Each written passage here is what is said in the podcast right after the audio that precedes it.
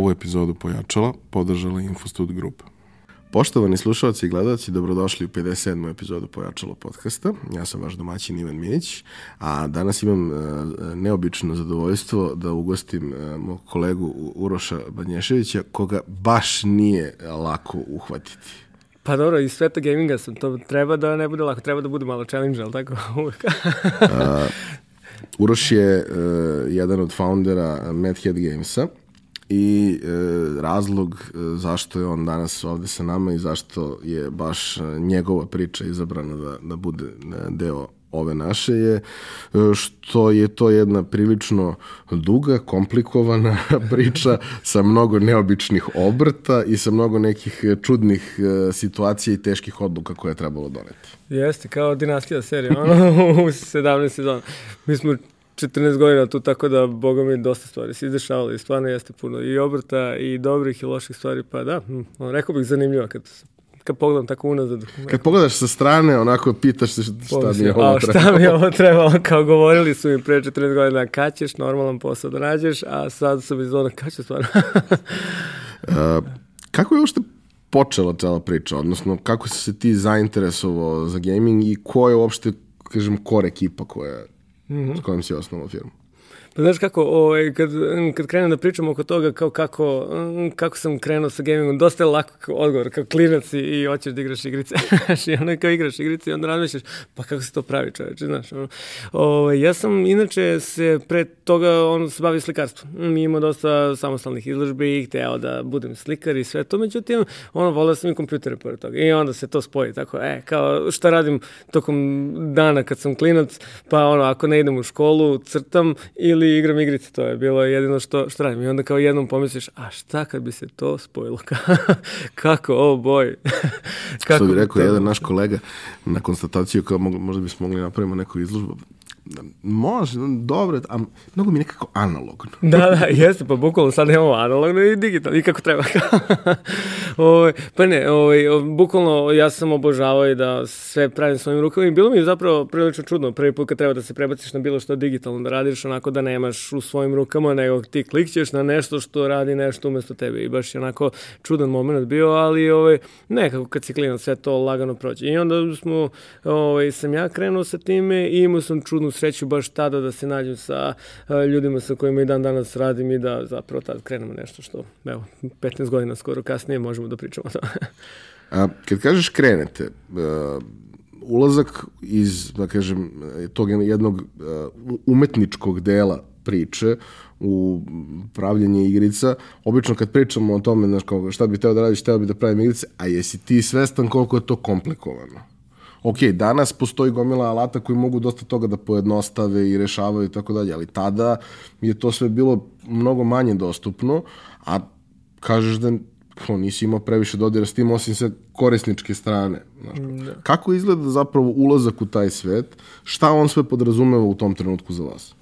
Fun fact je kada kažemo toliko, nije bilo toliko dostupnih stvari, znači mi smo iste godine počeli da pravimo prvu našu igru kada je YouTube osnovan. Znači nije postavio YouTube, kao literally YouTube, kao, kao sajt je napravljen u februaru, ja mislim 2005. a mi smo u novembru 2005. počeli da radimo prvu igru, tako da eto, bukvalno na tom nivou.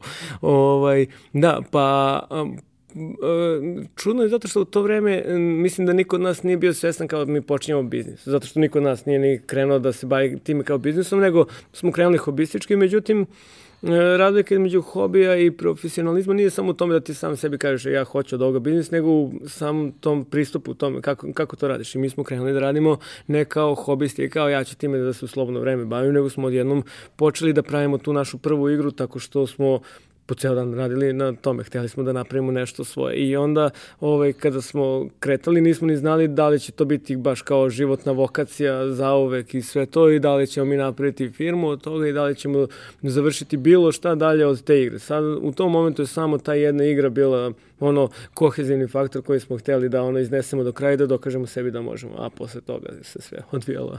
Kako ste podelili uloge i šta šta je bila tema, kako ste hteli da, da napravite? Da. Ju, pa da, podelili uloge. Znači, ovako, mi smo počeli, nas je četvorica bilo na početku ovaj, i trojica nas smo osnovali posle toga Madhead Games. 2011. godine je osnovan Madhead Games. Znači, šest godina kasnije. Pre toga smo pet godina radili i outsourcing i radili našu prvu igru zajedno ovaj, koja se zvala Pyro Blazer. To je bilo baš onako pionirski projekat u Srbiji. Tad bukvalno niko nije ni znao šta su video igre u Srbiji. Bukvalno smo krenuli nas ovaj, četvorica klinaca tada da radimo i dobra stvar je što nismo ni morali da delimo uloge zato što smo se super razumeli, super družili, a zapravo svi smo došli sa različitih strana. Znači imali smo Aleksu koji je savršeni programer, znači ovaj koji je čovek koji je rođen kao programer i ne ni mogao ništa drugo da bude i da, i da, ovaj, i da hoće tada. Nenad koji je došao isto tako sa inženjerske strane došao i on je nekako technical artist bio, ali imao i dosta i kreativnog u sebi, on je radio i 3D Max u svoje vremeno i radio i programiranje. I ja koji sam došao sa artističke strane nikad ne bi mogao programer da budem, znači ja sam baš ono došao sa druge strane. Tako da smo baš bili onako paket toga kako, kako napraviti jednu igru savršeno. Tri potpuno različite osobe koje se savršeno slažu i koje pritom mogu da završe različiti deo posla. Tako da je baš onako, e, često kažem da uspeh u industriji i drugim industrijama, ne samo ovoj, se mnogo zasneva na tome da budeš prisutan i da jednostavno privlačiš dobre ljude u život da bi povećao šanse da se desi sreća, pošto moraš da imaš sreće. Znači, ne mogu da kažem, e, svako da prati, naravno, ono, ove korake, to će sigurno uspeti i potrebna ti je sreća. Ja mislim da je najveća sreća koju smo mi imali, sve mislim da smo teže dobili nego što smo zaslužili, ali mislim da to što smo se pronašli tada i što smo takvu, takvu konstelaciju ljudi imali od početka, to je jedina sreća koju ne možeš da diriguješ ono, i koju ne možeš da da kažeš, e, to se desilo zato što smo bili dobri, nego jednostavno, eto, to je srećan, srećan. Čudni ljudi se nekako međusobno naći i razumeju. Jeste, jeste. E, kaži mi, e, ok, proveli ste, kažeš, nekih pet godina radeći na svojoj igri i u nekom trenutku radeći neki outsource i sve. Mm. Pretpostavljam da je outsource došao jer kao od nečeg treba da se živi, od nečeg treba da se finansira cela priča. E sad, a, šta su bili ti poslovi koje ste radili, na čemu ste radili i e, kako je izgledao sam, da kažem, e, razvojni ciklus te vaše prve igre? Mm. Pa pazi ovako, mi kad smo krenuli da pravimo našu prvu igru, e, mi smo mislili da ćemo da je završimo za nekih 8 meseci ili tako nešto. Uh, to je naravno postalo mnogostruko puta 8 meseci, to je preko 3 godine smo radili na našoj prvoj igri i ovaj, sa nekoliko, znači ono prvo što smo tri puta od nule pravili kako naučiš nove stvari, tako skontaš on nikakvog smisla nije imalo i onda kreneš iz početka. Druga stvar je bila što smo nekoliko puta naravno ostajali bez para. Dobra stvar je što smo bili dosta uh, sustainable u tom momentu jer smo ono studentarija koji šta treba, ono masno leba, znaš kao nema, svi živimo kod roditelja, kao znaš nemaš nikakve izdatke u životu pa si onako dosta sustainable čak i da ništa ne zarađuješ.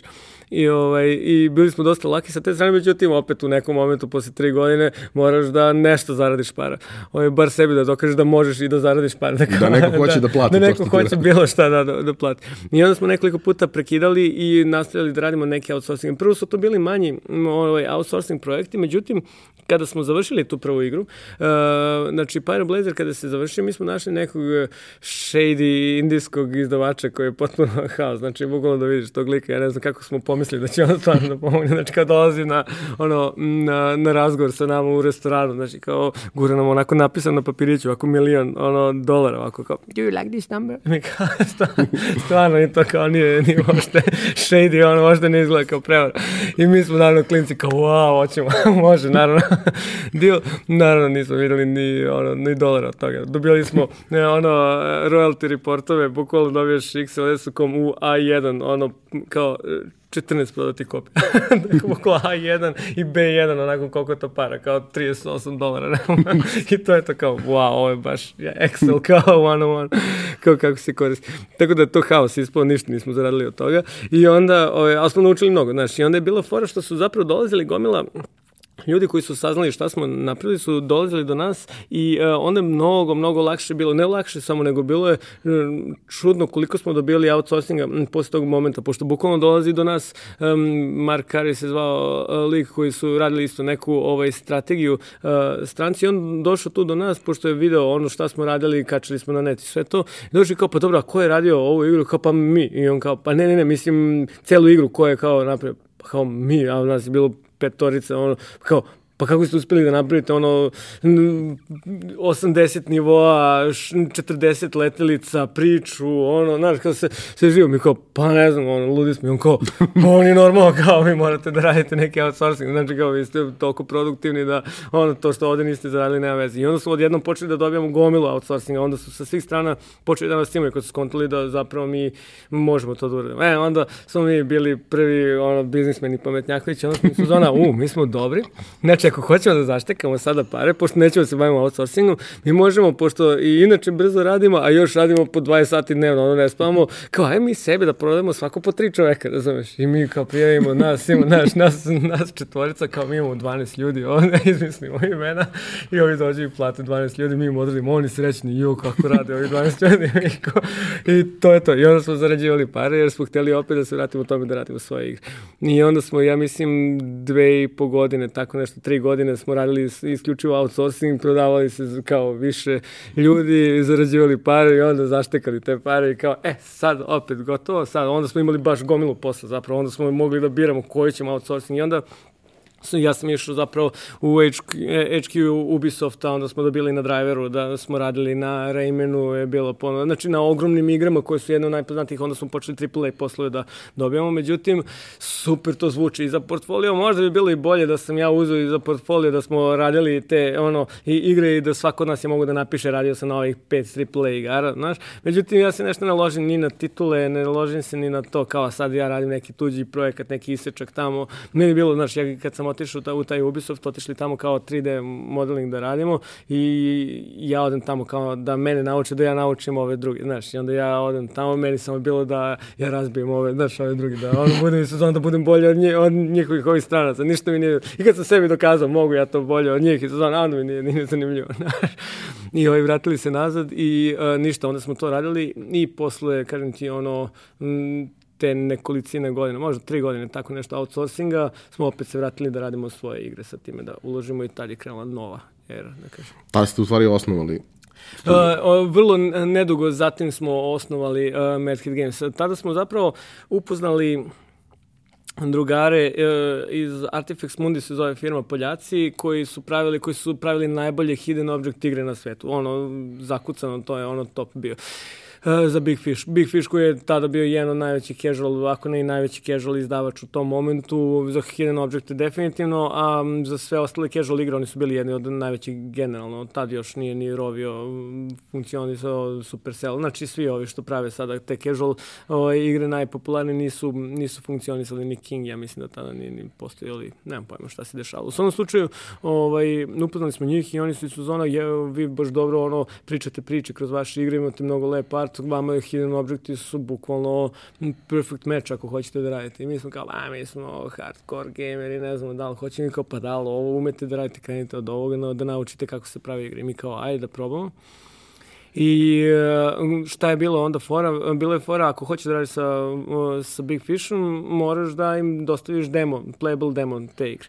I mi došli i kao, aj, mi ćemo sad da napravimo. Pogledamo mi kako te Hidden Object igre izgledaju i kao, ali to za domaćice američke, nije to baš nešto što mi kontamo. Mislim, kontamo kako se radi, ali mi ćemo to da dignemo. To je dosadno. Da, da, da, i mi ćemo to na sledeći level da dignemo, kao kontamo, mi, znaš, ono kako ćemo to da napravimo. I ništa, kao mi, aj šta ćemo da uradimo, uradimo isto to, samo Disneyevska grafika da bude, da ne bude onako, mislim, i ta grafika je šarena i onako... Fantasy. Pa, fantasy, da, ali onako dovoljno realističan, nije ništa, nisu ljudi karikature, ljudi izgledaju kao ljudi, samo su malo, znaš, ono, oslikani, tako, znaš, onako likovnije, likovnija realnost bih rekao da je, da je to, a ovo što smo mi htjeli je baš diznijevski, onako stilizovano, vrlo, vrlo umetnički. I mi to napravimo, mi se odušimo, znači bili su zona je Music Quest, znači ti ideš u fantasy svet koji je izmišljen, gde su ono, sve kuće u obliku muzičkih instrumenta, sve se zasnije na muzici, onako baš diznijevski fazom. Eto, kada gledaš diznijevski crtač, tako izgledala grafika. I mi njima po, pošaljemo i sezon smo ono, high five, jedni drugi, kao kako kino čoveče, kako ovo, znaš kao, niko ne zna da sve to da napravi kao mi i kao sad ćemo mi da dođemo i da im objasnimo. I ono Big Fish nam odgovori, ali ljudi kao, ovo nije to ta igra, znaš kao, mi tražimo ovako igre, to što ste mi napravili svoje neko čudovište. kao za, za dečicu, znaš, on kao bukolo ovo bi igrala, igrali unuci naše publike, kao nećemo ovo da uzmemo. Mi kao, kako nećete, ovo je najbolja stvar kada nemate pojma, glupi amerikanci. I onda u jednom momentu shvatiš, pa da, valjda, oni oni znaju šta, šta njima Postoji treba. razlog zašto niko nije napravio tako. Da, bukvala, bukvala. I tad smo naučili to, kao koliko god da znaš, ono da, da se ložiš na to što radiš, moraš da razmisliš da li postoji valjan razlog zašto to neko nije uradio pre tebe. Sigurno postoji, nekad je, ono, najbolja stvar je da je to zato što niko nije znao, ali najčešći razlog je zato što nikome ne treba tako nešto. Ovaj, I ništa, tu smo morali da se složimo sa time da oni neće to da uzmu. To jest, hoće da uzmu, međutim za mnogo manje. Postoji taj standardni del koji su oni tada imali koji kao može da, do, da dobiješ. I sada je fora, kod Big Fisha se radi to neki interni testing koji se zove eh, za Collector's Edition. Ti dobiješ, oni uzmu, ne znam, 400 svojih igrača i po neki 12 kategorija ocenjuju i ako je ocena preko 4,2 od 5, ti dobiješ neki Collector's Edition status, koji ti je najveći status kod njih, znaš, kao to su najbolje igre koje oni preporučuju, sve ostalo je ispod. I to su rekli neće ni slati na to, zato što sigurno neće dobiti Collector's Edition i oni će da izbace za neke smešne pare. I sad je na nama bilo, hoćemo da um, za te smešne pare da im damo ili hoćemo nešto da napravimo. A nismo imali para više. Mislim, potrošili smo sve to što smo uštekali. I onda je bilo, hoćemo sad outsourcing opet, pa da opet probamo, hoćemo sad da krenemo bez para ili ćemo da, da im prodamo za toliko. A ako im prodamo za toliko, sad moramo se mučimo da pravimo to, znaš, a krivo ti sad ako pogledaš da je to pogrešna cijena grupa, ako se mi ložimo na to i kao umetnički i ti daš i svi ti daju loše ocene tamo, da što kao nije realistično, znaš, ono, nekako baš je promošeno, znaš, ono, effort koji ćeš ulagati narednih godinu dana da to napraviš. I mi razmišljaju šta će mi kao, majmo mi da uzmemo da napravimo kako treba tu, tu igru. I kao, pa nemamo para, pa kao živali smo kod roditelja, živjet ćemo opet kod, znaš, kao šta sad je tu toliko strašno. Mislim, tako smo uživali većinu života do sad. Nije da ono je nešto različito. I te pare kad smo štekali, nije da smo trošili, znaš, kao imali para, nego smo samo štekali, znaš, i samo smo ih potrošili sve to što smo uštekali, kao ni, nikad nismo ni prezali da budemo klošari.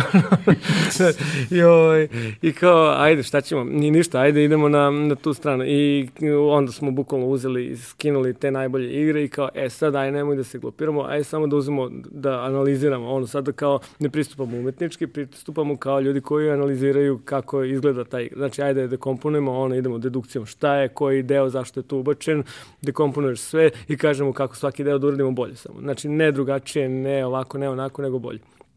I onda smo uzeli najbolje, ono, tri igre te godine i raspačali ih bukvalno od Artifex Mundija koji su nas uputili na to i skontali kako ćemo bolje i onda smo radili novi demo koji se zvao taj Rite of Passage i onda su nam rekli kao to je cool, to, to je super i to je onda bila igra godine e, je, kada je izašla ta igra i onda nam je to omogućilo dalji rast.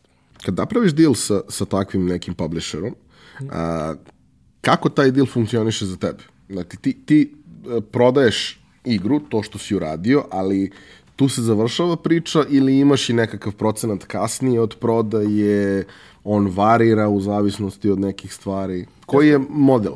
Pa, znaš kako, um, inače sa izdavačima postoje svi mogući modeli. Konkretno sa Big Fishom su vrlo jasni ti termsi, znači oni ti finansiraju, finansiraju razvoj, što je nama jako bilo bitno u tom momentu. Nakon što im daš prvu i Tako, prvi ti, demo. Tako, ti im daš prvi demo i ako oni taj demo žele da uzmu, onda ti finansiraju razvoj. To jest, onda se šalje to na taj m, njihov interni survey, survey koji ovaj, kada se popuni, onda vide u koju kategoriju upada ta igra i prema tom dilu dobijaš novac. I posle toga dobijaš neki mali royalty ovaj uh, revenue share neki od prodaje, ali to nije nešto signifikantno. Mislim to nije nešto što je game changer, to je više onako kao mali bonus da ipak te malo poguraju da napraviš bolju igru, ali u jednom momentu kada si u tom top tieru sve jedno da li si gore dole, više nekako stvar toga da da se sami ložimo da dobijemo nagrade za to i da kažemo, e, dobili smo best visuals te godine, best game te godine i to, to, nego što sad smo nešto osetili što se tiče novca, kao da, da se to vrati. Međutim, dovoljno je to, mi smo, mi smo ložači, pa ono, znaš,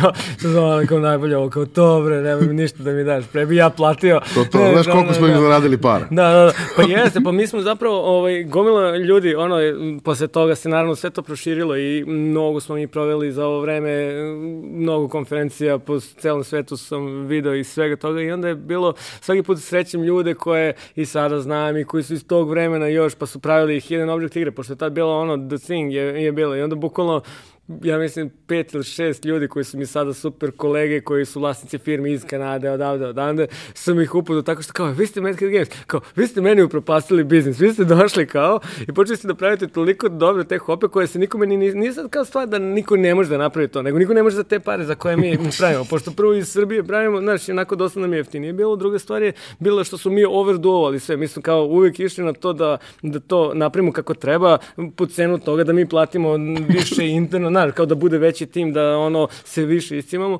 i stalno je bilo to kao, znaš, vi to, toliko overdujete da nema smisla za nas više da pravimo u Kanadi, znaš, isto tu igru, znaš, kao na, nama, znaš, ako mi jedva ono otplatimo. Mislim, te hope su baš čudan onako biznis, pogotovo za gaming, zato što to je naj najsigurnije je bilo, zato je i usledilo toliki rast, zato što bukvalno to je najsigurniji biznis koji je ikada postao u, u igrama. Ti uložiš 100%, dobiješ 115%, 110% i to je to. Znači kao, ne možeš manje, ne možeš manje od 105, ali ne možeš ni više od 120%. Eto, to je bukvalno to, to range. I onda je kao jako sigurica i možeš kvantitet toga. Oni su iz sezona u jednom momentu kad im dokažeš da možeš kao koliko hoćete sledeće godine igara. Mi smo u jednom momentu pravili 12 igara godišnje. Znači smo počeli da pravimo.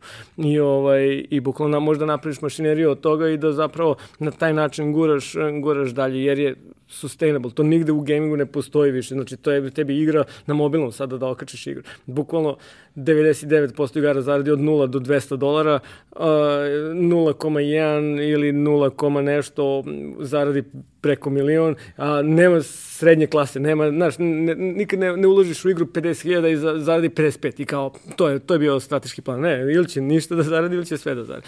Tako da ovo je bukvalno jedinstven model gde si mogao tako da, da funkcionišeš. I onda smo na osnovu toga ovaj, i, i počeli da širimo dalje celokupnu priču sa ono dovođenjem novih ljudi i generalno smo to tražili svim drugim izdavačima, mada toga ni, nema baš kao što je u industriji.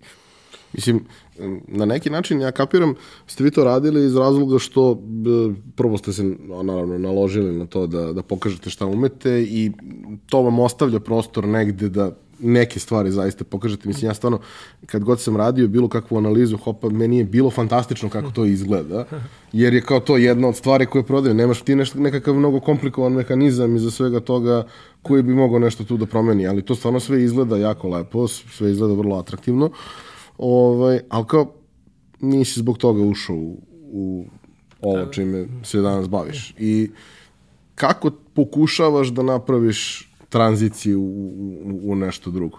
Sim, ovde imaš siguricu, imaš nekakav siguran novac koji plaća plate, fiksne troškove i ostane, ono što kažu, ostane 100 evra. Da. Ovaj, ali kao, nije to ono što želiš da radiš. Pa tako je, tako je. Ja onako, još kao klinac sam bio rebel i sve je moralo nekako da bude u školi, znaš, da podižem revoluciju i sve to. I ovaj, I nikad nismo znali da se učaurimo oko takvih stvari. I svaki put kada smo došli do nekog zasićenja ili do toga da osjećamo da na neki način prerastamo to što radimo, koliko god to bilo dobar kao deal, mislim da nas to je obeležilo i kao loše biznismene, a to je da ono, čak i da je dobar deal, nismo zainteresovani da ostanemo tu predugo, nego želimo da idemo dalje. I to nas je onako nekoliko puta učinilo pionirima, a kada si nekoliko puta pionir u različitim stvarima, osuđen si na to da napraviš stvari po prvi put i da bude strava, osuđen si na to da bude teško, osuđen si na to da failuješ ko svinja, znaš, ono, sve sa Osuđen to... si na to da neke da. stvari napraviš pre vremena. Da, tako je, i da jednostavno, ono, možda čak i misliš da si ih dobro radi. Znaš, ne, ne, jedna stvar je kada, kada kažeš kao koliko smo naučili na tom putu, ali često se desi kada takve stvari radiš da toliko radiš nešto što nije postojalo, da nisi ni siguran gde si tačno pogrešio, znaš, kao nešto nije uspelo i sezona sam, pa možda bi sad isto to uradio, znaš, kao ne, ne znam, čak gomilu puta znam koliko bih bolje radio stvari, koliko sam naučio na tom putu, međutim, nije da se kajem nekih, zbog nekih odluka, sad kao, a baš smo tu pogrešili, znaš, kao često je bilo, pa možda samo nije bilo vreme za to, znaš, eto, možda je sve bila dobra ideja, sem što nije bilo pravo vreme, znaš.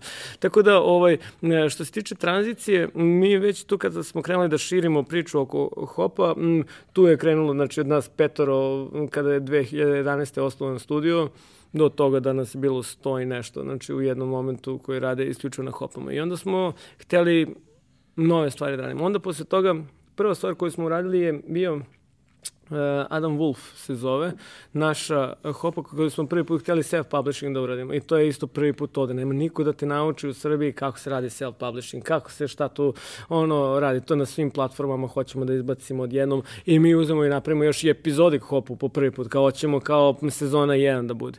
I stvarno ja, ako sam na nešto ponosan od tih, u, u tom uh, periodu celokupnog hopa, a je kao jedna, jedna je ta prva stvar, Right of Passage, kada smo napravili taj prvi, pa kao bili igre godine, pa je to sve super. Međutim, ja mislim da sam još više ponosan na tog Adam Wolfa. To je stvarno, ako, ako i ko, ko, ko, ko gleda, sluša, voli hope, to je jedina hopa koju bi mu preporučio stvarno da, da odigra, da, da ono, ako hoće da vidi kako trebaju hope da izgledaju, baš sam onako podigli smo to na sledeći nivo sa, sa tim. I, ovaj, I tada smo izbacili našu prvu igru. Iskreno, sada gledajući, tada nam se činilo kao fail, ne kao neki fijasko, kao, već kao nešto što nije toliko isplativo, zato što smo tu uložili beskonačno, to su svi najbolji ljudi radili naši, svi smo zaginuli na tome, zaglavljivali i vidi se da je, da je dobro, znaš, ali nije, nije održivo, mislim, tako raditi, znaš, ono, za uvek i, ovaj, i nije se otplatilo u smislu, nije kao totalni fijasko bilo, nego kao u odnosu na to, return of investment je, on, znaš, kao mali bio u odnosu na to koji su ljudi. Međutim, za razliku od uh, Big Fish igara koje tako prodaju se tri dana na njihovom ono sajtu odjednom dok su na front page i posle toga više ništa ne prodaš. Ovo ima neki tail koji nas vuče i sada zapravo možda kada pomisliš na duže staze dve godine kasnije i nije tako loše prošao taj Adam Wolf. Tako da to je super bilo i to je prvi iskorak gde smo mnogo ozbiljniju igru, gde smo hteli mešavinu Dylan Doga, Max Payne-a i akcione avanture u Hidden Objectu gde smo hteli ozbiljnu priču da imamo pored svega toga i onako četiri vezane priče kao četiri epizode jedne sezone koje imaju overarching story. Znači baš je onako kompleksan poduhvat bio. I tu smo prvi put napravili iskorak i to je stvarno bilo svako ko se bavio hopama tada i ko je radio je bio u sezonu, au, brate, ovo je baš, ono, to je, to je bio iskorak kao, recimo iz prve da smo bili pametni kao klinci, ne bismo pravili music fest, nego ako hoćeš da iskoračiš, super je ispalo ovo, međutim, ovo je baš taj korak dalje, probijanje granica u tom žanru, ne izmišljenje novog žanra, nego probijanje granice što se tiče i formata i prezentacije. E, i onda smo tu videli da možemo i sami da da izdamo neke igre, onda smo tu videli da možemo i malo drugačije stvari da radimo, pošto smo tu od pucačine radili, znači u toj hopi svega ima, znači ono, naš, voziš motor, pucaš, znači ono haos, ono šta smo sve tu bacili. Samo ste sebi zakomplikovali život. Pa da, da, da, zbukvalno, kao kako, ono, čim je lagano, znači da ne radiš kako, šta treba da radiš, znaš, ono, i ovaj, i onda smo rešili, e, ljudi, ajde da počnemo lagano da ulažemo u ono što želimo da budemo u budućnosti, a to je core gaming, ono. Mislim, Koja je to godina? To je godina pre, to je godina koja se dešala pre četiri i po godine, tako da 2015. tako nešto, 15. Znači već ste vi četiri godine funkcionisali kao studio tako. koji, koji radi hope primarno tako, za tako, Big Fish. Tako, tako, I onda odjednom mi dolazimo do toga da svi imamo malo već zasićenje ono oko toga što radimo, svi smo tu, mi smo kao sekta u tom momentu bili, znači svi ljudi koji su bili tu od početka su i dalje tu, znači ono pet godina još smo radili ranije zajedno, svi su tu i sad kao ajde hoćemo nove challenge. I, ovaj, I dolazimo do toga da onda imaš opcije ili sa jedne strane Unity, sa druge strane Unreal koji su bili engine koji su u to vreme ono najpopularniji, Unity kida, Unreal super izgleda, lepa je nova stvar, ali kao što su i oni sami govorili pred nama, o, ovaj, kaže, Unity je Justin Bieber, mi smo ACDC, znaš, to je ono, cijelo fore, mi kao, pa ajmo sa ACDC-em, da idemo, znaš, kao, to je to. Šta je najgore što može da se desi? Bukvalo, i ono, par godina kasnije oni objave Fortnite, postanu najveći na svetu, bude najbolja odluka ikada i se zove najvoti Bieber, Bieberče, tako da je ono, super uh, ispalo to celokupna saradnja sa njima i um, uzeli smo u Unrealu da probamo da pravimo neki naš prototip. Ja sam imao neku ideju kad smo pravili neki game jam da pravim uh, hack and slash sa Markom Kraljevićem i to je meni bila ideja I, I to Kraljević da bude Kingević, pošto kao da napravimo da je sin veštice i kralja i on je Kraljević, pa je Kingević. Glupa fora. jasno je svima da je glupa fora, ali od toga smo krenuli. I krenuli mi nekog Marka koji kolje neke, neke osmalije tamo da pravimo koji haos, znači na što ono ličilo. Ja sad kad pogledam, znači mi smo to pravili ono 7-8 meseci, ono užas, znači demone, osmanlije, čudove, znači bukvalno sve natrpali u jednu igru, taj Marko izgleda kao brđanin sa nekim kratkim nogicama, sav nabildovan, ono sa nekom čekanjem, znači haos, odvratno sa šubarom, odvratno, brcima, oni, znači niko ne bi poželao da je taj lik, znaš, ono kao bukvalno tako najgori lik na svetu, znaš, ali nije nama bio zabavan. I krenuli smo od toga da pravimo, mi kao, uh, hack and slash, ono, od ozgo kao Diablo ideš i ovaj, sečeš i mi kao, to će da bude to, to je nova stvar. I onda razmišljam, bože, znaš, sad kad gledam, kako, kako je nama bilo u glavi da će od toga ništa da postane, znaš, ono, znaš, baš je ružno bilo. I, ovaj, i ništa, i tu smo isto kao i sa svim igrama, dok smo sve ovo oslo radili, iterirali, radili, učili nove stvari i tako proširivo se taj tim, proširivo se i u jednom momentu to počne da liči na ozbiljnu igru, mislim, ono, počne da to izgleda kao, uje, sad nije, sad nije najgora stvar, sad onako dosta ozbiljna. I već je onako, dosta lepo da možeš da pokažeš ljudima, znaš, onako već sam i sezona, nije samo naša interna fora, znaš, kao haha, Kraljević, kao haha, Kolje, Osmanli, nego kao sad ima nekog smisla, znaš, neko bi možda poželao da igra, tako znaš. I mi to napravimo i pokažemo baš uh, Epic Gamesu, kada su dolazili, Epic Games uh, kreatori Unreal Engine-a, Fortnite-a, Unreal Tournamenta i tako to.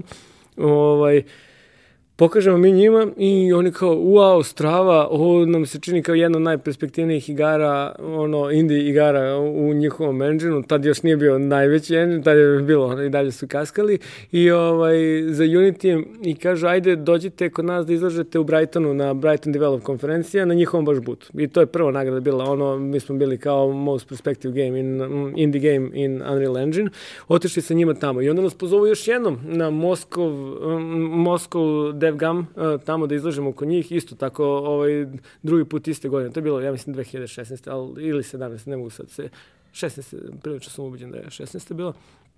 I, ovaj, I odemo tamo i na tom festivalu dobijamo Best PC Game, ono, nagradu. I tu nas kontuju izdavači i počnu da nas kontaktiraju izdavači, hoće da izdaje igru. Mi kao, opa, vidite to, a, kako od nekog malog tamo brkatog, ono, zdepastog, ono lika koji ide iz zabada, došlo do toga da te cijelo izdavači. I, ovaj, i odjednom počelo to da zanima ljudi, kao, kako je moguće sad da to odjedno naše točedo, fora, interna, zanima ih, međutim, tu nas cimne Wargaming od svih, mislim, cimno nas tu izdavača, ali Wargaming najveći, mislim, Wargaming je ona multimilijarderska kompanija koja je izbacila World of Tanks, koja je zapravo jedna od pet najvećih um, self-funded firmi, ono, publishera na svetu koja nije Tencent kupio kinezi, ono, ovaj, i sezona sam kao, čuču, je moguće da neko uošte da njih želi da priča sa nama, znaš, Njoj dođe kao sviđa nam se igra, volili bismo da ovaj, nam pošljete demo, mi im pošaljemo demo, kao evo, ali ništa tu neće biti, ali kao ajde, možda je izgledalo flash i tako, znaš, tamo, znaš, čuli nešto o tome, sad kad probaju kad kako se to raspada, ovaj, nema tu ništa i to je to kad oni ono par meseci kasnije, nije par meseci, možda mesec dana kasnije, kao, e, super je ovo, prošlo je još dva kruga interno, kao, bože, ko to testira tamo, znaš, ono gledaš to svoji, su si na šta ovo liči, znaš, ovo naše, kakvi su tek drugi, meni uvek pitanje, kaže, kao, prošlo je od 100 igara, ste ušli u najveži krug, rekao, na šta liče te igre, čoveče, kao, kao, koliko ljudi nemaju pojma šta prave ovi drugi, oj, ovaj, I ništa, i onda se desilo to da oni kažu, hoćemo da dođemo u posetu studiju je, ovo baš onako se razvija kao neočekivan, this escalated quickly, ono. Dolaze oni u studiju i pošalju jedno od najbitnijih ljudi, pazi, oni su firma od 4.500 zaposlenih i pošalju nam ono iz top 10 nas, nam pošalju ono troje ljudi iz top 10 ljudi kompanije, to je oni zovu Ravens Club, taj naš njihovi ono kao vladamo svetom.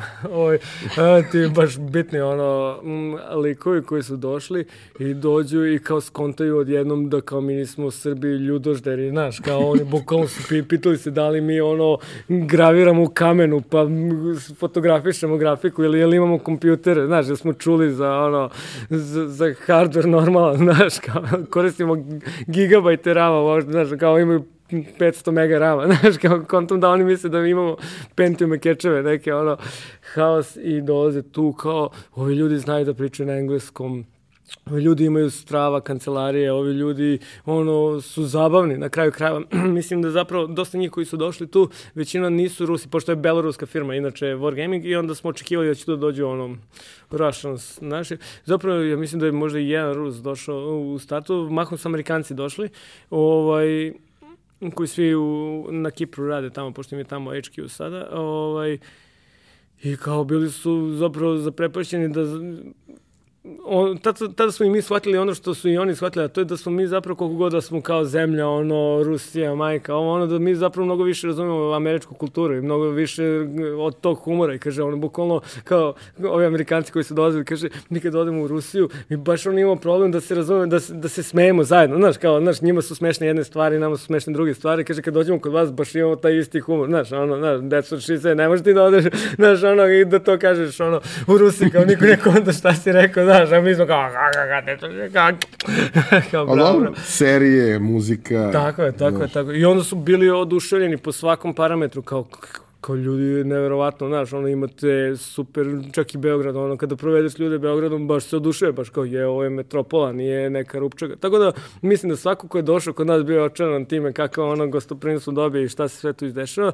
I eto, tako tu je bila ta tradicija lagano, lagano, lagano. Posle toga smo još 9 meseci do duše pregovarali oko uslova i svega toga, tako da se to oteglo, hteli smo se poubijamo, ono, u momentima, ali generalno uh, tako je, lagano smo skliznuli u to i odjednom, eto, nas pravimo korik. A šta se dešava sa, sa, sa Hopom? U kom trenutku vi izlazite iz te priče potpuno? -huh. Jer to je paralelni trek u suštini. Jeste, jeste. Pa znaš kako, uh, mi dalje pravimo hope, zapravo. Ne znam da li ono si upućan, ali da, i dalje mi imamo celokupne ovaj, dva, dva studija, zapravo, pošto imamo četiri sada ofisa, ovaj, dva studija su celokupne i dalje za hope. Međutim, te hope diminišuju se, naravno, to onako saturisane tržište i niti mi želimo za ovek da ostanemo tu, niti mislim da je onako i tržište samo ovaj, dovoljno veliko, ali ono što je dobro kod nas je zato zato što jako je teško naći talent u Srbiji. Znaš, jako je teško naći ljude i nama je praktično Hopi, mi smo Hopi doveli do tog stepena produkcije da je vrlo jasno kakva je konstrukcija tima, kako se pravi, koji su milestonovi, kako se pišu taskovi. Znači sve nam je jasno, ono, napravili smo svoju tehnologiju, mi u svojoj tehnologiji pravimo sve te hope. Ovaj, I toliko smo sazreli sa te strane da je to toliko dobar entry level za ljude koji hoće da počnu da se bave gamingom, a da ne budu totalno rasulo, haotični likovi, da zapravo je to nama praktično akademija, znaš, kao mi više ništa ne zarađujemo od hopa, znači hope su nam takve sada da otplati se, znaš, ono, nekad smo u malom plusu, nekad smo u malom minusu, ono što je bilo od 105 do 120, sad je od 90 do 110, razumeš, ali svakako m, to nam je akademija za ljude koji mogu odatle da pređu da rade čak i core projekte, zato što mislim da mnogo lakše ljude naučiti C++ programiranju ili da radiš teksture ili ovo, ono, nego naučiti kako generalno da funkcionišeš u studiju, kako da funkcionišeš sa kolegama, kako organizacijalno da doprinosiš, kako da budeš profesionalac na kraju krajeva, zato što, znaš, ono, gomila ljudi kod nas dolazi sa fakulteta, prvi ime posao, znaš, i ono, ne možeš ti da pričaš sa ljudima kao treba već profesionalac da budem. Kao prvi mi je posao, ja ne znam kako se biva profesionalac. Znaš, kao što ne mi nismo bili uh, jako dugo i kao što se mi ponekad pravimo da jesmo, a stvari većinski se glupiramo isto tako da posao kao budale se ponašamo. tako da, ovaj, sa te strane, ovaj, da, mislim, ono, to nam hope trenutno su i dalje tu najviše kao nešto što treba da izrodi nove ljude koji dolaze na veće stvari. A, rad na vašoj prvoj velikoj core igri. Mm. Uh, imali ste tu kao taj demo od koga ste krenuli. Uh, šta se desilo kasnije? Šta, šta je ono, šta su bile razvojni koraci da se dođe do onoga što, što je danas? Da. Uf, to je da, to, to je baš onako m, puno zaokreta i tu je možda bilo baš dobrih i baš loših odluka. Ovaj, za početak to je raslo, znači u tom smeru koji smo hteli da napravimo našu single player, ono, hack and slash igru, mm, o, Kraljić, bože, ovaj, koja je trajala dosta dugo dok nismo došli do toga da se dogovorimo sa izdavačima. Kada smo krenuli sa njima, shvatili smo za početak, oni su dosta nam dali odrešene ruke oko toga i kako se zove igra i oni su ono, to je cool, međutim i kome god da predstavimo igru, ti ne znaju ljudi stranci da izgovore Kinđević, Kim, ne, ko sandvič, Kinđević, znaš, kao sandvič, znaš, da prodaješ neki, i kao, a ne možemo ovako, daj da promenimo ime igre i ono, nećemo baš Marko Kraljević da bude samo i kao, ko, koga zanima da ubija Osmanlije, znaš, koji napadaju. ne, ovaj, I kao nema nikakvog smisla i kao mm, šta ćemo dalje i tu smo prvo preimenovali igru u Pagan. Mm, znači to, od toga smo krenuli.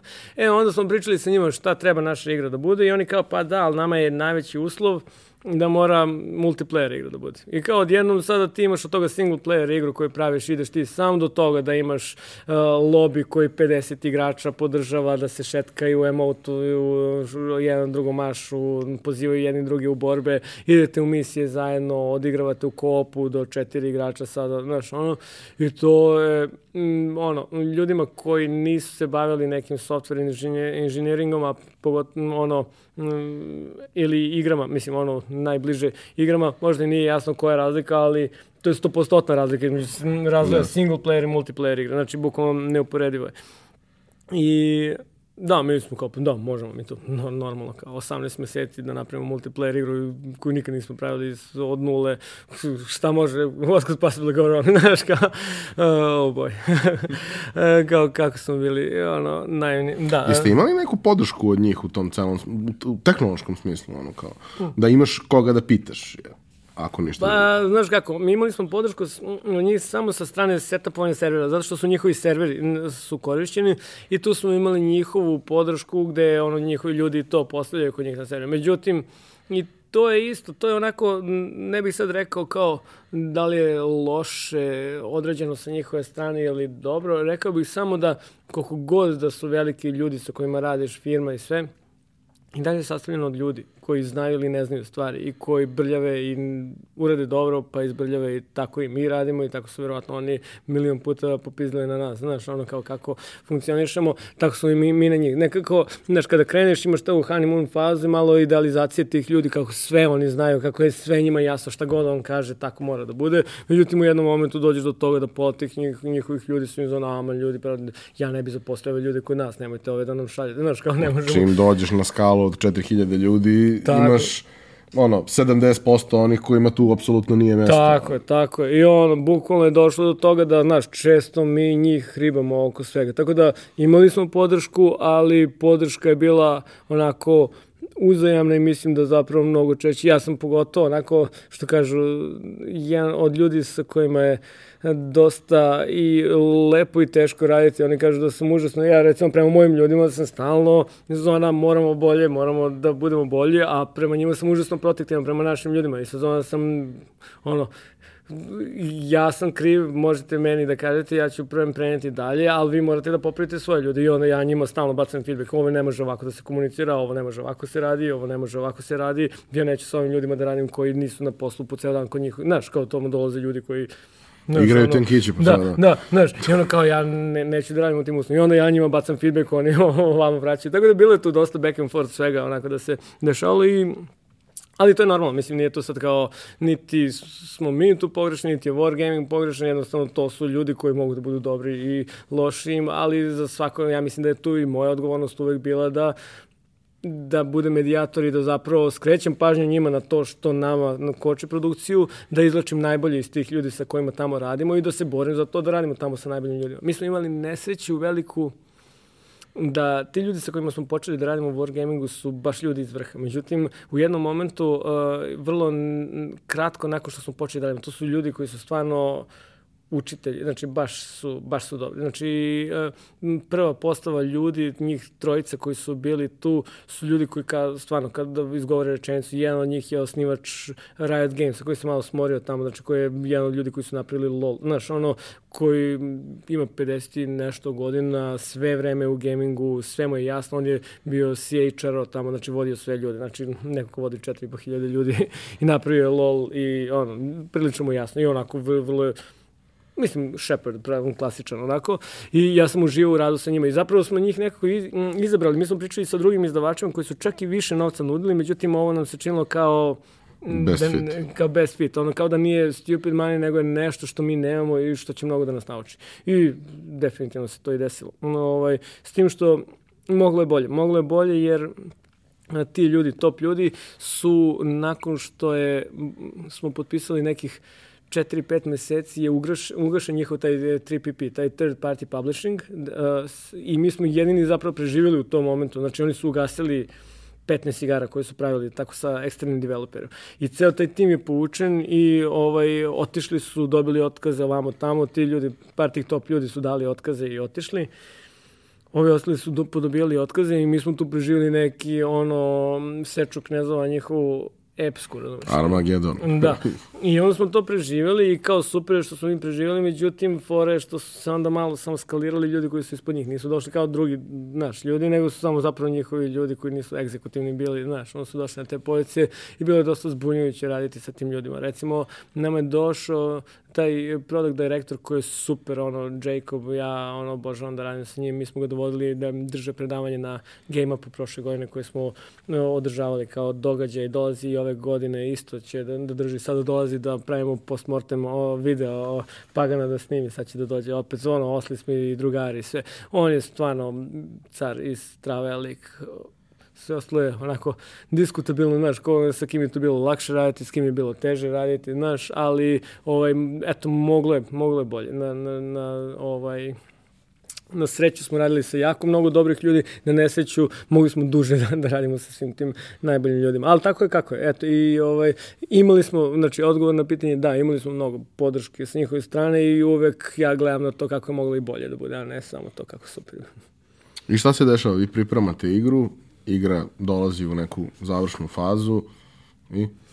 Pa i dok dođe do završne faze mi smo imali 4-5 zaokreta, znaš, ono imali smo to kao, e, naša igra u jednom momentu to je bio velika odluka da li on će da bude Diablo klon ili neće. I tu smo se možda najviše zeznuli od svega, zato što smo rekli nećemo. Opet smo napravili taj Music Quest, ono što smo radili, ove, opet, smo, opet smo zakomplikovali i rekli, e, nećemo da kopiramo. Znači, Diablo sada kogod je igrao i igre, zna, to je levi klik, ideš i pumpaš, znaš, ono klikćeš levi klik i to je to. I mi kao, nećemo to, to je old school, tom žanru treba. Mislim, ja i dalje stojim iza toga, što je najgore, samo što, eto, to je jedno od tih stvari, kao da smo imali više vremena, znaš, kao znam ja tu mnogo stvari koje smo u prezentaciji i ono, finalnom produktu zeznuli, a ne u ideji, znaš, ono, samo nismo imali vremena da uradimo, ali to je bilo, taj žanr se nije menjao od Diablo dvojke, znači svi i dalje igraju Path of Exile, Diablo dvojku, izašla je Diablo trojka koju igraju ljudi i svi kukaju, znaš, ono Diablo dvojka, kako je, znaš, ono treba da bude nastavnik i razmišljam, taj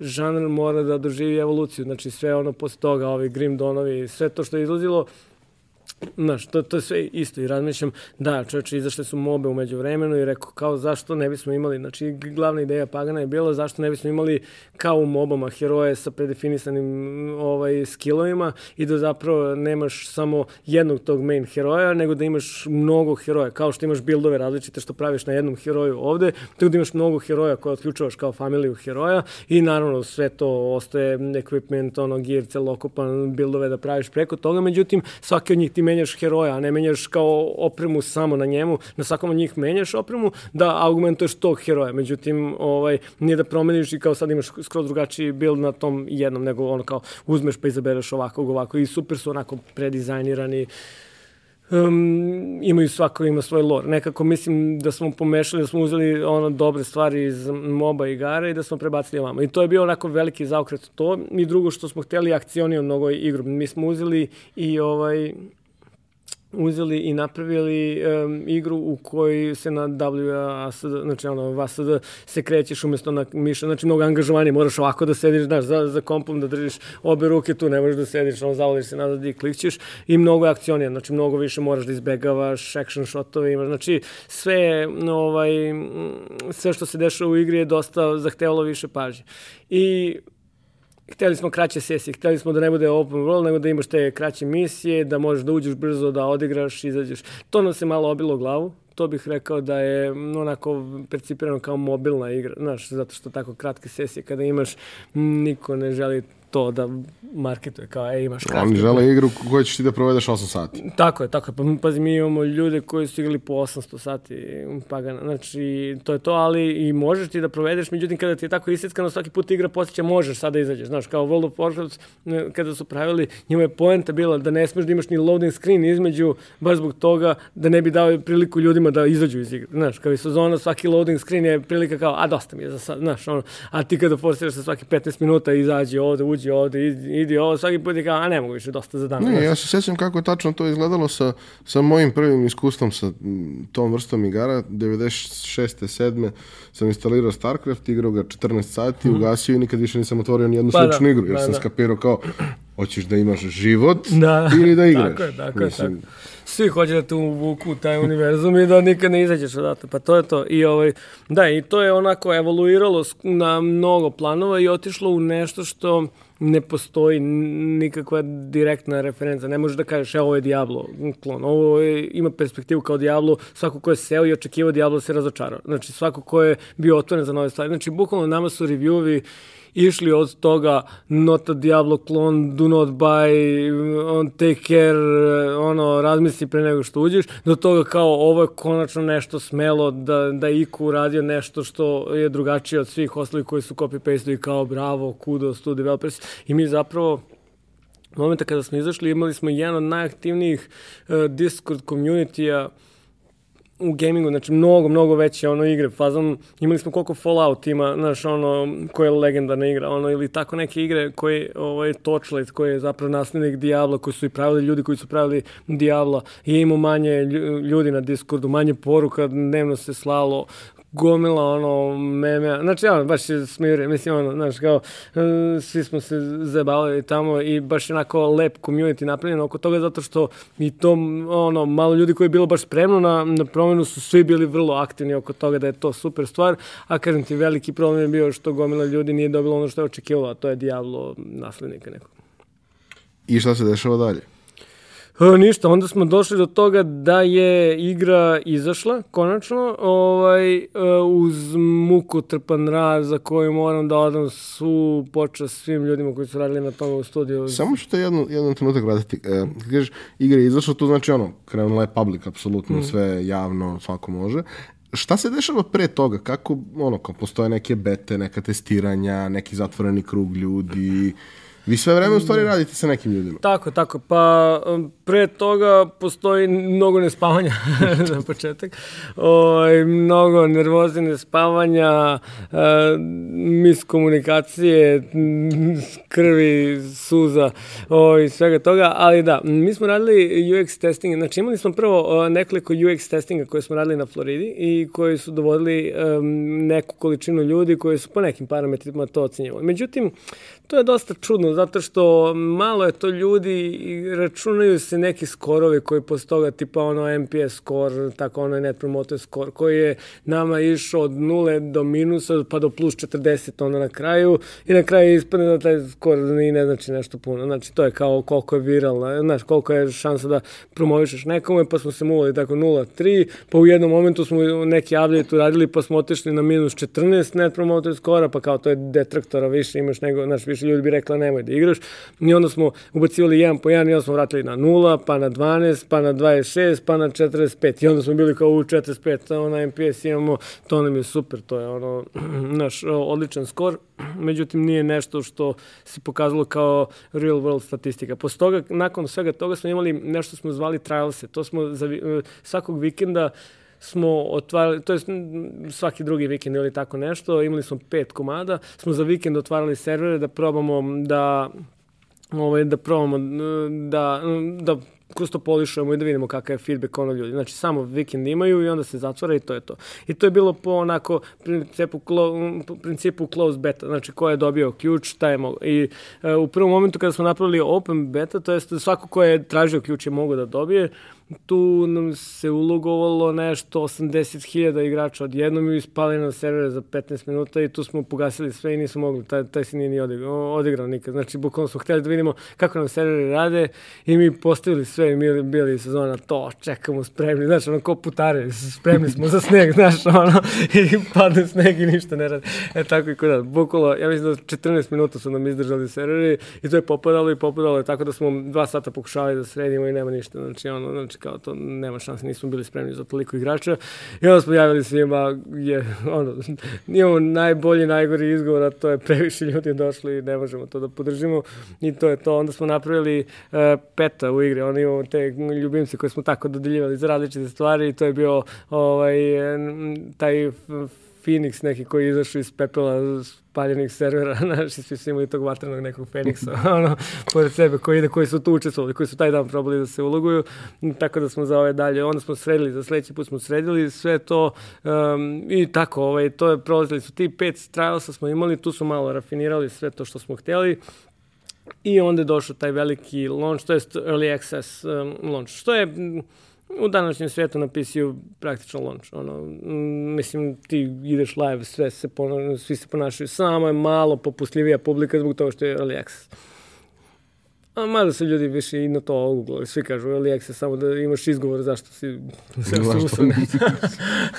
Ovaj, I kako se zove zašto nešto ne radi. I onda je fora bila što smo tu izašli i tu je bilo onako gomila dobrih stvari na početku, međutim nama, ono, zbog toga što smo to žurili, to je bilo problema sa performansama, sa svim živim, e, morali smo da isključimo iz prve m, taj kop, znači to zajedničko igranje. Znači bili su ti online lobby gde si vidio sve druge, međutim morali smo da isključimo to da ideš zajedno sa nekim. I to je bilo naravno, mislim, logično, pošto se Pagan Online zvala, ono, igra, mislim, ono, zove se, ovo, ovaj, igra, ovo, ovaj, to je bilo Pagan Offline, znaš, ono, kao glavna fora, kao Pagan Offline smo izbacili, pošto ne možeš da igraš sa drugim. I, ovo, ovaj, I to je baš onako fail bio veliki koji nismo smeli sebi da dopustimo, međutim, to baš, mislim, do nas je, direktno je do nas bilo, samo zato što je developerska stvar, ali bukvalno nije postala načina da se to završi. Znači, mi smo ono spavali u studiju da to završimo i to je bilo, mi smo njih cimali ljudi, ono, neće biti. Mislim, ne moramo da pomerimo, samo da znate da neće biti. Oni su iz sezona, znaš, to je ipak ogromna korporacija koja no, no, ne može tu se ovaj pita sad tu svog šefa, za sve to pomeranje mora ovaj da pita ovog, ovaj, ovog, ovaj 15 provera da napraviš, to tri meseca treba da dobiješ odgovor, znaš, za to i onda kao bolje da ne pitaš, znaš, onog pitaš i kao odustaneš više da će se išta tu desiti. I ništa, i onda smo izdali i krenuli bez toga sa dosta problema sa performansama i svega, svim tim. I onda smo to rafinirali, ubacivali nove stvari, mnogo quality of life, onako sitnice tu falilo. I to su ljudi tražili, to smo ubacivali lagano, lagano, međutim, taj early access kod igara uh, um, sada traje bar godinu dana. Znači, znaš, ti ne možeš ništa da stigneš da ispopulaš, ti uđeš dok ti sakupiš ikakve metrike. Inače, ni metrike nam nisu radile, znači izbacili smo pa smo dobili sve za izbrljane podatke, pa nismo znali ko je šta igrao i onda nismo mogli ništa sa tim da radimo pa ovaj, um, dok ti prikupiš metrike inače, dok ono reaguješ, dok napraviš plan šta ćeš kada da radiš, napraviš roadmap, ono, pa po tome ideš, nijedna igra koju ja znam nije manje od godinu dana ostala, a da su trebali da nešto poprave, da nisu izašli sa gotovom igrom, pa samo su htjeli da probaju, pa onda puste, znaš. A mi smo baš ušli raspadnuti, znaš, ono, u taj Alex. I tu je bilo četiri i po, mes, pet meseci smo samo, smo dobili u Early Access i kao ljudi neće biti dobra igra na launchu, znaš, ono neće to valjati, međutim, znaš, tako je moralo da bude i nažalost mislim da je jednostavno sve je pogurano tu bilo maksimalno da bude ono brzo, što niko nikad nije završio za to vreme. Ja mislim igru i Early Access je ono od nule da završiš igru multiplayer prvu svoju za 18 meseci je neverovatno. Znaš, kao to je svako ko je gledao šta smo radili bio i sezoni, je, čovječ, ovo ne, baš ne, kako ste se dogovorili, možete da ovako radite, kao, pa to je jedino bilo što smo mogli, znaš. Tako da je bilo nezgodno i ono što je bilo strava, Posljedna stvar tu pre launch što je bila strava je da su oni obezbedili m, mm, da budemo na Gamescomu koji je najveći svetski sada sajam, čak i veći od E3-a koji je dugo godina bio u LA-u najveći sajam. Oni su nam obezbedili da ovaj, imamo ogroman štand tamo na Wargamingovom štandu i otišli mi tamo čoveče, ovo je neverovatno bilo. To je neverovatno iskustvo. To je meni zapravo najbolje iskustvo game, ono, u game developmentu ikad. Znači, otišli tamo, Sad taj Wargaming ima jedan od najvećih štandova, ako ne i najveći štand na celom sajmu tamo, a mi smo najveći deo najvećeg štanda. Znači, to je toliko mega ogromno da ja nisam mogu da verujem, ono kao Pagan Online piše bukvalno 20 metara, velik, veliko logo, ja kao ko je moguće, ono, dele onaj merchandise ima, znači svi po sajmu idu sa torbama Pagan Online, ja idem ko stoker, neki iza, ono, fotografišem ljude, ono, okrenu se, kao, nisam, nije, kao, nisam hteo, da, tako da je strava, ono, ispalo, ovaj, to tamo, ono, bukvalno izađeš ti, na, svaki dan smo imali neke giveaway ono, znaš, i tu dođu klinci zato što hoće da pokupe besplatno, šta god, naravno, ne dođu oni zašto se lože na mene tu, ali je i dalje odličan osjećaj, ti izađeš tamo na onaj, na onaj stage i tako počeš se deljaš tamo nešto, oni vrište, ono, bukvalno hoda, ne vidiš kraj klinaca, razumiješ, ne znaš dokle ide to, znači ovako bukvalno cijela hala krcata klincima, ti se deraš kao rockstar, ono, znaš, kao kreneš prvo, kao, do you want some goodies? And go, yeah, znaš, ono, kao posle toga skontaš, ne se deraš na sve, tako ni ne izgovoriš izgovaraš reči, više izađeš na stage kao kupate kapububa, oni kao je, pukati kakaga.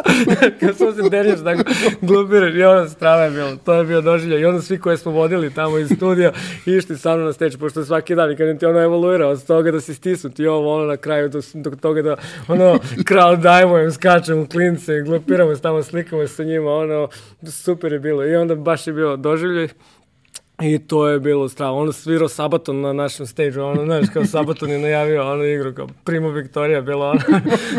Tako da bilo strava, ono sve je bilo ludnica, sa njima su igrali, ono, sedeli sa ovim Sabatonom, oni igrali igru, bili su za onog kida, vamo tamo nemaš ih skineš sa igri, tako da baš, eto, to mi je ono, e, kruna, kruna onoga što smo do sada uradili i tako, ovaj, izašla je igra i tu, znači, nakon što je izašla igra, onako, imali smo i ovako ovakve i onakve reviewove, ovakve onakve dogovore sa Wargamingom i u jednom momentu tu shvatili smo opet da za dalje, pošto je to premium igra, znači nije neka free to play koju nastavljaš tako da državaš, nego možeš da praviš DLC-eve, međutim ti DLC-evi sada da se pravi, znači download, uh, downloadable content, um, da to i napravimo ne bi sada više mogli da zaradimo nešto pretjerano para od toga i onda je bilo priča da li da pravimo dvojku, da li da ovo ono i na kraju smo rešili da ipak probamo dalje nešto novo da radimo. Tako da nakon svega toga to je završena priča prilično ovaj premium igra koja je odigrala 100 kupilo 100.000 ljudi, znaš, ovaj e,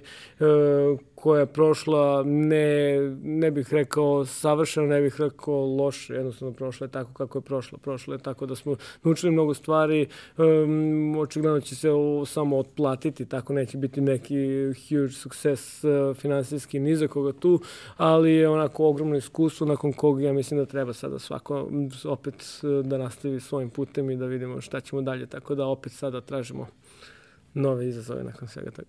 Kada kažeš da je u pitanju ono, premium igra, a, znači to je igra koju igrač kupuje Tako, i nema ništa unutra više da plaća. Kupiš, imaš za zaovek i nemaš nikakve dodatne troškove. Nemaš šine, se, nemaš ništa unutra da trošiš još milion evra. A Wargaming primarno ima World of Tanks koji su potpuno suprotan tako je, model. Tako je, tako Pa to je jedan od problema. Oni su nama dali, pošto nisu znali kako. On, znači, to je jedna od stvari gde smo možda najviše failove, što je igra planirana da bude free to play u startu i onda smo shvatili da mi ne umemo to da, mislim, ono, mi smo njima rekli da mi nikad nismo pravili takve igre i da će nam trebati samo više vremena mnogo da rafinamo celokupnu ekonomiju igre da izdizajniramo i onda su trebali njihovi eksperti tu da uđu, međutim nije došlo baš do toga. Došli su njihovi ljudi, međutim kao što rekao smo i ti eksperti su samo ljudi koji mogu da predlažu i sve to treba, znaš, svaki taj predlog je kao, ajde da promenimo sve, a mi nemamo vremena, znaš, nije to on koji kaže, ajde sve da promenimo i da produžimo još četiri meseca da radimo, nego kao, ajde sve da promenimo, kao, pa ne može tako se radi, mislim, znaš, kao, imali smo jedan dogovor i sada kad neko dođe mora da, ili ima odgovornost prema tome šta menjamo i kako to menjamo i koliko to vremena zahteva u produkciji, I onda nismo došli do toga, onda smo mi njima rekli, e, ako hoćemo to da pravimo tako kako vi hoćete, ne možete da uđete da nam dodate 50 stvari i da kažete, ajde, završimo za isto vreme, a ni ovo ne možemo da završimo za to vreme. Onda ili mora mnogo kasnije da izađe igra, i onda su oni bili sve, da, da, ništa, ići ćemo sa premium igrom. I onda smo menjali da bude premium igra i to nije baš najisplativiji model, da se ne lažemo. Znači, pogotovo u sadašnjem svetu na Steamu i generalno na, sa Wargamingom svako hoće da svako hoće da ima mnogo veliku bazu. Mislim, ono, mi smo imali 100.000 ono, kopija sada, a mimo toga, mislim, ti bi ovako imao 20 miliona ljudi, 30 miliona ljudi koji za džabe dođu i koji svako da ti ostavi dolar, znaš, kao mnogo bolje nego ovih 100.000 da ti ostavi po 30 dolara, znaš, ono, ovaj, tako da sa te strane ovaj, da smo išli sa ovim, mnogo bi drugačije bilo, ali bi drugačiji timeline bio da se napravi. A, u kom trenutku, kažem, ti krećeš da shvataš da to više ne pije vodu, da to neće funkcionisati dugoročno i šta su koraci, ono, ok, tražite do, novi izazov u redu, ali ono kao, u kom domenu, šta, kako, mm. imaš sistem koji je prilično veliki, koji ima gomilu fiksnih troškova, prosto pa, vrlo je triki trenutak. Triki, da, da. Pa, ne, da, ne, pazi ovako, nije to ni stvar shvatiti da to ne funkcioniše. Nije stvar da ne funkcioniše, nego jednostavno postoji opet ono roji svega toga može da bude bolji i o tome razmišljaš. E, možda smo malo prerano onako ocekli, možda smo razmišljali malo duže da će trajati te post, um, post launch um, sve to što, što radimo dalje i da će tu i sa finansijske strane i sa organizacijne strane imati više i to nas je možda malo onako vratilo nazad. Međutim, razmišljali smo mi dosta napredno to, tako da smo mi umeđu vremenu spremili dva nova core game demo koja smo zapravo umeđu vremenu završili, imamo playable demo pitch deckove, spremne te igre za publishere i umeđu vremenu to je ono što smo i uradili. Mi imamo sada dva, dve nove igre koje, smo, koje su playable, koje su third person uh, shooter i third person slasher, znači iza leđa, onako gledaš kao u ovaj, svim third person igrama, znači nije top down više. Ovaj, I uh, te igre su spremne, ono sve što je spremno i početi su još davno pregovori sa drugim izdavačima. E sada malo se nama, sad smo trenutno u, da kažem, čudnom periodu samo zbog toga što su se ti pregovori malo odužili sa svima njima. Iskreno, ovaj, zveznali smo se dosta što smo u sezoni uh, u sezoni tih praznika i svega toga radili. Mislim, ti kada pričaš sa tim najvećim firmama, prvo što on, oni su strašno spore na odgovorima. To je, znaš, ono, ti im pošalješ, pa oni ti odgovore za tri nedelje, pa onda imaju evaluaciju od šest nedelja za to, pa prođe nekoliko krugova, pa je sad jedni prolaze za, za svaku igru, prođu isto to, drugi uzmu pa onako bandlu igre, dok se ne skupi 20 igara, pa onda, znaš, prođe sledeći krug, pa da, da, da.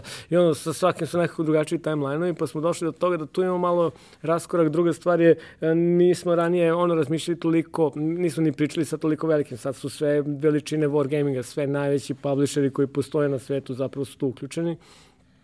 I ovaj, i onda e, kada dođeš do toga, njima se ima decembar, ono, novembar, decembar, tu izlaze sve najveće igre njihove, ono, Christmas season, znači tu su haotični da, sa odgovaranjem, onda počinje Christmas, ono, praznici njihovi, pa onda su tu haos, onda je januar mrtav skroz i ne odgovara niko, svi se vraćaju na poziv kao, oh, fuck, kao šta, šta, šta sve imamo da uradimo.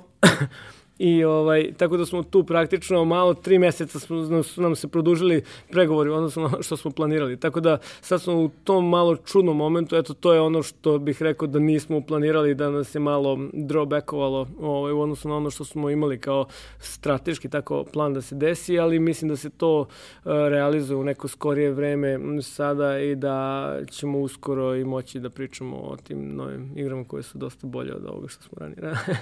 Dobro, ali i za svega svega ovoga, mislim, jako ti hvala na tome što si otvoreno pričao o svemu i što si pokazao da koliko god možda neke stvari ono, sa strane gledano deluju strašne i kao ne deal breakeri, nego kao varijanta desi se to i onda više nikad ne pomisliš da praviš bilo što slično, nego odeš i ono, da, da. prebaciš se u prehrambenu proizvodnju.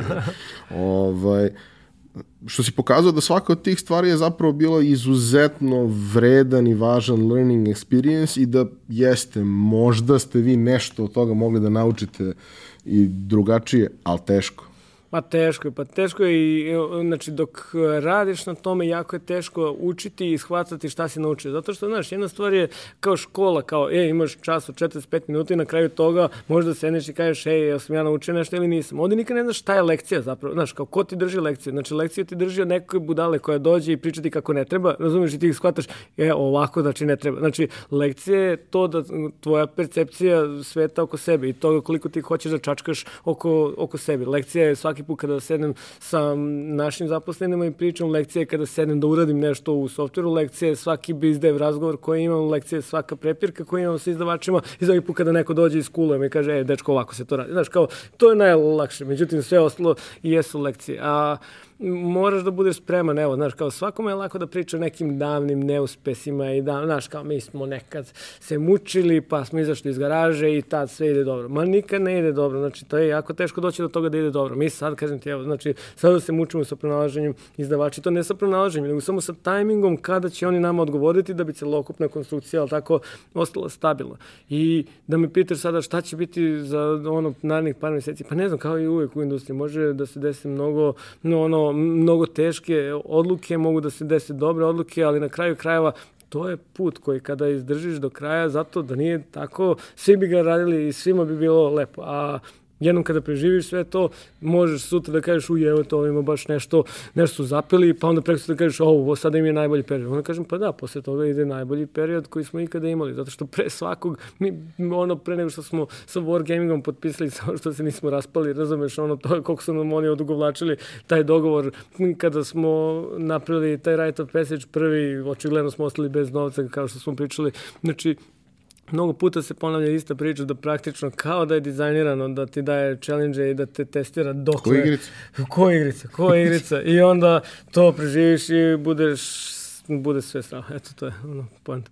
Uroše, hvala ti na tvojoj priči. E, hvala tebi što si me pozvao, baš mi je drago da budemo. A, poštovani slušalci i gledalci, mi imamo tu praksu da delimo ovaj, po tri e, ist, primjerka i iste knjige, ovoga puta Bogato dete, pametno dete, opet Kiyosaki i Sharon Lechter.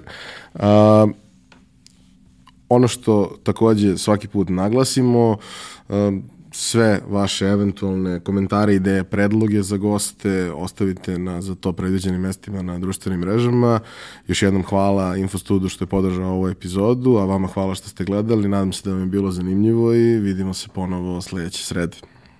Zdravo.